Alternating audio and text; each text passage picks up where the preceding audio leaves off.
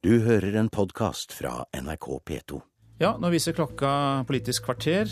Øk fartsgrensen og redd liv på veiene. Det er vel påstander som føder debatter hos deg, programleder Bjørn Myklebust.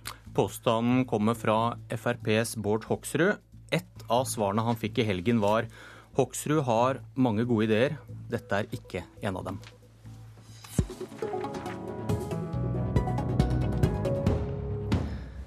Det var generalsekretæren i Personskadeforbundet. Jeg siterte der eh, Hoksrud, men det kan jo være at de ikke fikk med seg hele resonnementet ditt. Så forklar logikken om at økt fart kan redde liv. Jeg tror det er viktig å ha med seg at jeg ønsker ikke å øke farta på alle veiene i Norge. Men vi har en del motorveier i Norge, 350 km ca. Vi har en del veier med midtdelere, og der er det fullt mulig å øke farta uten at det går utover trafikksikkerheten. Eh, og det vi vet, er at i Danmark så har man altså øka fartsgrensen på motorveiene fra 110 til 130. Gjennomsnittsfarta var 120. Den har gått opp med 1-3 km. Men altså ulykkene, dødsulykkene, har gått kraftig ned i Danmark. Så det viser at det er mulig å ha to tanker i huet på en gang. Både å øke fartsgrensene og at ulykkene går ned, fordi folk får respekt for de fartsgrensene som er der. Men, så fordi folk bryter loven, så skal man sette opp farta? Nei, det handler ikke om at fordi folk bryter loven, men det handler faktisk om at folk eh, ser at det er fornuftig å ha den fartsgrensa man har på motorveiene. Eh, og så er det en del steder hvor det er ufornuftig. F.eks. hvis man kjører på E18 nedover eh, Agder-Telemark, så er det altså 70 km på store deler av strekningen. Kjører man av veien, kommer på en dårlig humpete vei, så er det også 80 km. Og da lurer folk på hva er grunnen til at man har satt de fartsgrensene man har. Gorm Kjernli fra Arbeiderpartiet, du sitter i transportkomiteen på Stortinget sammen med Hoksrud. og Ble du overbevist nå? Nei. Eh, først vil jeg si at det er gledelig at eh, dødstallene på veiene går ned i Norge. 168 mista livet i fjor. Det er det laveste siden 1954. Men vi har fortsatt en jobb å gjøre, og derfor så mener jeg at det er en dårlig idé. Og Det er to elementer ved det. Vi vet at fart er en av hovedårsakene til eh, dødsulykker. Det blir for lettvint, eh, som Hoksrud sier, at det å øke fartsgrensene vil føre til færre ulykker. Fartsgrensene er jo ikke tilfeldig satt. Eh, de er jo satt på bakgrunn av nøye vurderinger. Eh, og man har kommet fram til at på motorveien i Norge så er 100 km i timen fornuftig. Og så Det andre elementet det her føyer seg jo inn i rekka av eh, forslag fra Fremskrittspartiet. De er motstandere av fotobokser. Eh, de er motstandere av strekningsvis ATK, eller det vi kaller da gjennomsnittsfartsmålinger, som vi vet har dokumentert virkning på å få ned ulykkestallene. Eh, og I valgkampen i 2009 så foreslår de også å legge ned UP. Har, har han et, vikarierende motiv, mener du? Frislipp på veiene? Jeg vet, jeg vet, ikke om han har et vikarierende uh, motiv, men jeg mener at uh, det her er feil vei å gå. Hvis man uh, samtidig sier at man er opptatt av trafikksikkerhet. Summen av alle de tingene som Fremskrittspartiet foreslår, mener jeg viser at Fremskrittspartiet ikke tar trafikksikkerheten men, men det Gorm Kjernli sier, det stemmer jo faktisk ikke. Altså, det er sånn at Veidirektoratet har foreslått å øke fartsgrensene på norske motorveier til 110 km. Det er argumentasjon fra samferdselsministeren den gangen som sa nei til dette, var miljøhensyn og ikke trafikksikkerhet. Det viser jo at veiene faktisk er bygd for, bygd for å tåle høyere fartsgrenser. Fremskrittspartiet har foreslått i sitt alternative statsbudsjett for 2012 800 millioner mer enn regjeringa til trafikksikkerhetstiltak for å redde opp, rydde opp i ulykkesutsatte strekninger, få på plass mer midtdelere eh, og andre tiltak som virker. Og det Hele poenget er at vi må ha fartsgrenser som er i tråd med det veien er bygd for. Så Derfor så handler det ikke om at man skal øke fartsgrenser overalt, men det viser altså at vi har bygd motorveier i Norge som er bygd for 130 km, akkurat på samme standard som i Danmark. Ulykken har vist seg å gå ned ved å øke fartsgrensa. Gjennomsnittshastigheten har bare gått litt opp, og den er altså nå under det som er fartsgrense, tillatt fartsgrense i Danmark. Den er på 100, i overkant av 120. I Danmark er det 130. Så det viser at dette virker.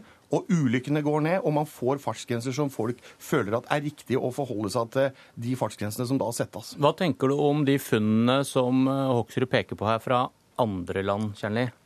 Jeg vil korrigere Hoksrud noe, for jeg har også fått med hva som har skjedd i Danmark og i Sverige. I Sverige så sier du at en av hovedårsakene til at de har redusert ulykkene i Sverige, eh, er eh, at de har satt ned fartsgrensa på det de har av usikra veier, altså veier som ikke, er, eh, som ikke har midtrekkverk. Og så er det en kjensgjerning at Sverige har vært tidligere ute med å bygge sikre veier enn det vi er i Norge. Vi er i ferd med å komme etter nå. altså De har flere kilometer med sikra vei. Og jeg er helt enig med Hoksrud at vi trenger å bygge mer sikra vei i Norge. Så vet vi også i Danmark at det første året, som Hoksrud sa, Eh, så økte eh, gjennomsnittshastigheten med en, en kilometer i timen. Eh, jeg har sett dokumentasjon på at personskadeulykkene på de veiene som ble satt opp til 130 km i timen, økte med 9% Senere så har det også økt noe. Det er ikke sikkert det er en sammenheng mellom at dødstallene i Danmark og Sverige går ned, og det at man har økt fartsgrensen. Det kan være en rekke andre ting som, som spiller inn. Og det vi vet, og som er dokumentert, vel dokumentert, er at økt fart gir Eh, økt risiko for eh, ulykker med eh, tragisk utfall. H. Hoksrud, dere er politikere fra forskjellige partier og skal per def være uenige. Men vi hørte da fagfolkene i Transportøkonomisk institutt på lørdag si at høyere fartsgrenser fører til flere stygge ulykker, og det finnes det dokumentasjon på. Jo, men Det handler om hvilke veier man setter av, vei, setter av fartsgrensene på. Og jeg syns det er ganske interessant det Gorm Kjernli sier, for hans egen partikollega i Danmark sa altså i juni 2012 de var veldig kritiske. Sosialdemokratene i Danmark var veldig kritiske til å øke fartsgrensene den gang venstreregjeringa gjorde det. Nå sier de at vi skal øke på flere veier, fordi det har vist en positiv utvikling i forhold til ulykkene på motorveinettet. Og det er der jeg mener at vi skal øke fartsgrensene. Og så skal vi selvfølgelig se på det resten av veinettet vårt. En del av veinettet vårt er dårlig, og der bør vi redusere noe på fartsgrensene. Jeg tror det må bli komitéreise til Danmark, Kjernli? Jeg kan godt ta en komitéreise til Danmark. Dere er litt uenige om fakta her? Ja, vi er nok litt, eh, litt uenige om fakta. Uh, Det er nok også sånn at, eh, at eh, Hoksrud snakker om å øke respekten for fartsgrenser. Det argumentet kan jo også snus rundt eh, og si at det, at det, å øke farten vil minske respekten for at høy fart tar liv. Jeg tror heller ikke Hoksrud er uenig med meg i at det er vel dokumentert at høyere fart gir økt risiko for ulykker. Gjennomsnittshastigheten på de motorveiene vi har i Norge har holdt seg stabil i hele den perioden vi har hatt 100 km i timen. Og Det mener jeg tyder på at dagens fartsgrenser er satt riktig, både ut ifra hva folk forventer. Kjernlig, men med din logikk så burde man kanskje sette ned fartsgrensen fra 100 til 80, da? For det ville ført til færre stygge ulykker, eller?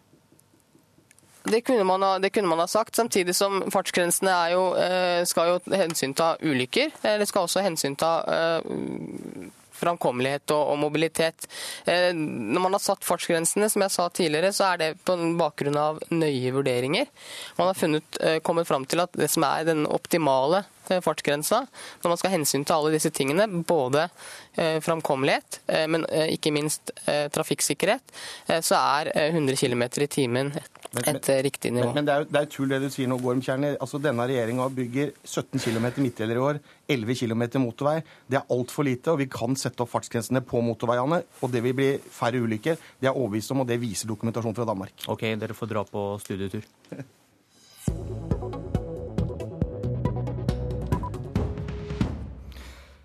Ferien er over, mange begynner på skolen igjen i dag. Det er nye prøver, du leverer inn en god besvarelse, men får en dårlig karakter tilbake fordi læreren ikke liker deg. Aksel Fjelldavli, leder i Elevorganisasjonen.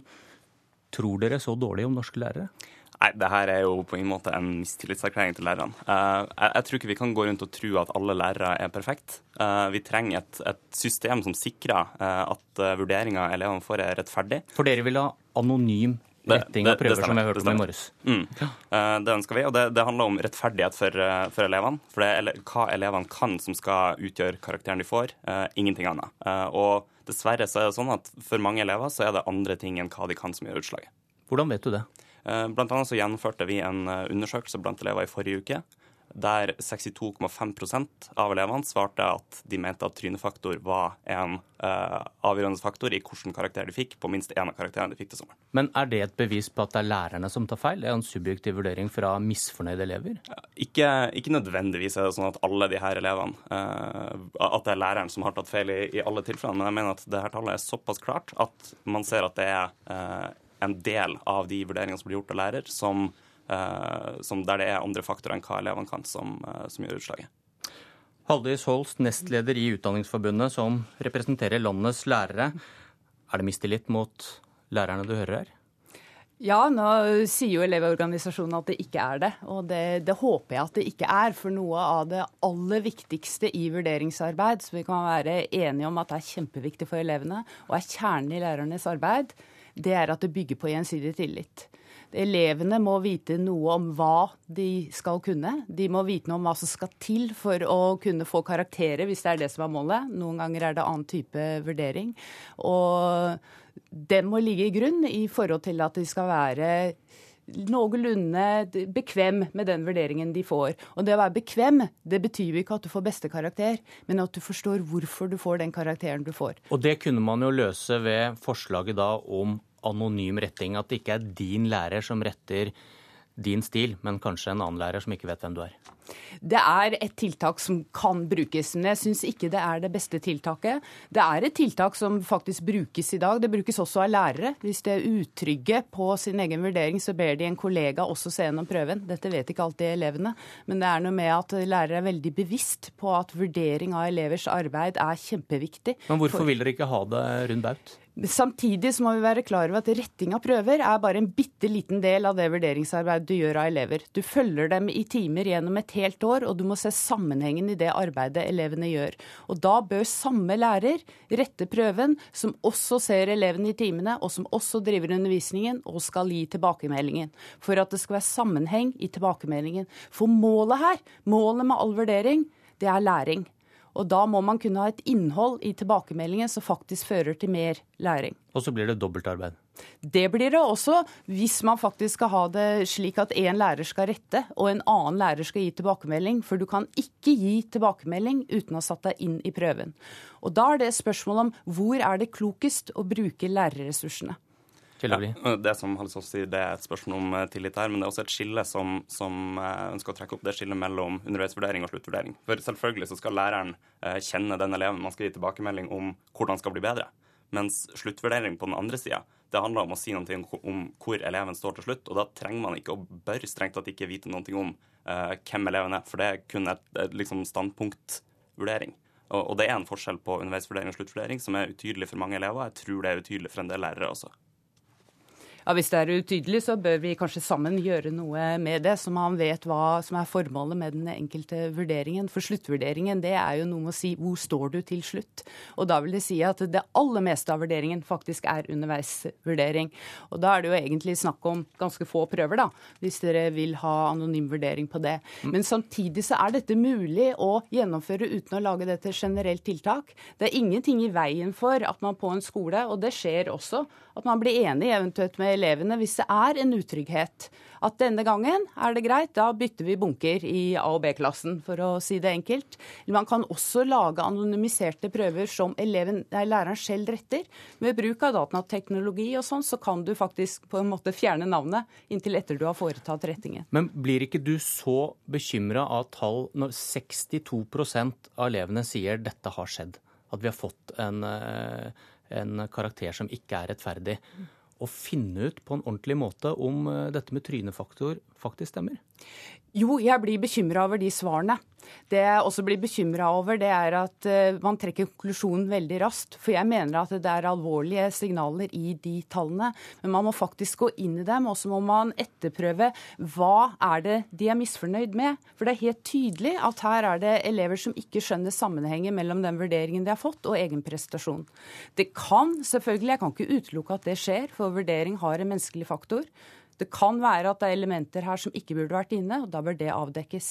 Men det kan også være at elevene selv ikke godt nok har forstått hva de måtte prestere for å få den enkelte karakteren. Så da er det mer å etterprøve hvor ligger problemet. Og jeg tror det er kjempeviktig både for elever og lærere å finne ut hvorfor er det så mange som mener de ikke får en rettferdig vurdering. Ja, Feldavli, Det er eh, snakk om å prioritere selvfølgelig knappe ressurser i skolen. og Bør man kanskje finne ut først om hva det ligger i disse 62% før man foreslår anonym retting av prøver som koster mye penger? Jeg tror ikke det her trenger å være så dyrt i det hele tatt. Det kan handle om å, å bare gå over korridoren til naboklasserommet og gi prøvebunken til en uh, annen lærer. Men jeg tror også at anonym retting i seg sjøl vil skape mer tillit mellom lærere og elever, kan bidra til at det blir tydeligere også for elevene hva som er forskjellen på underveisvurdering og sluttvurdering.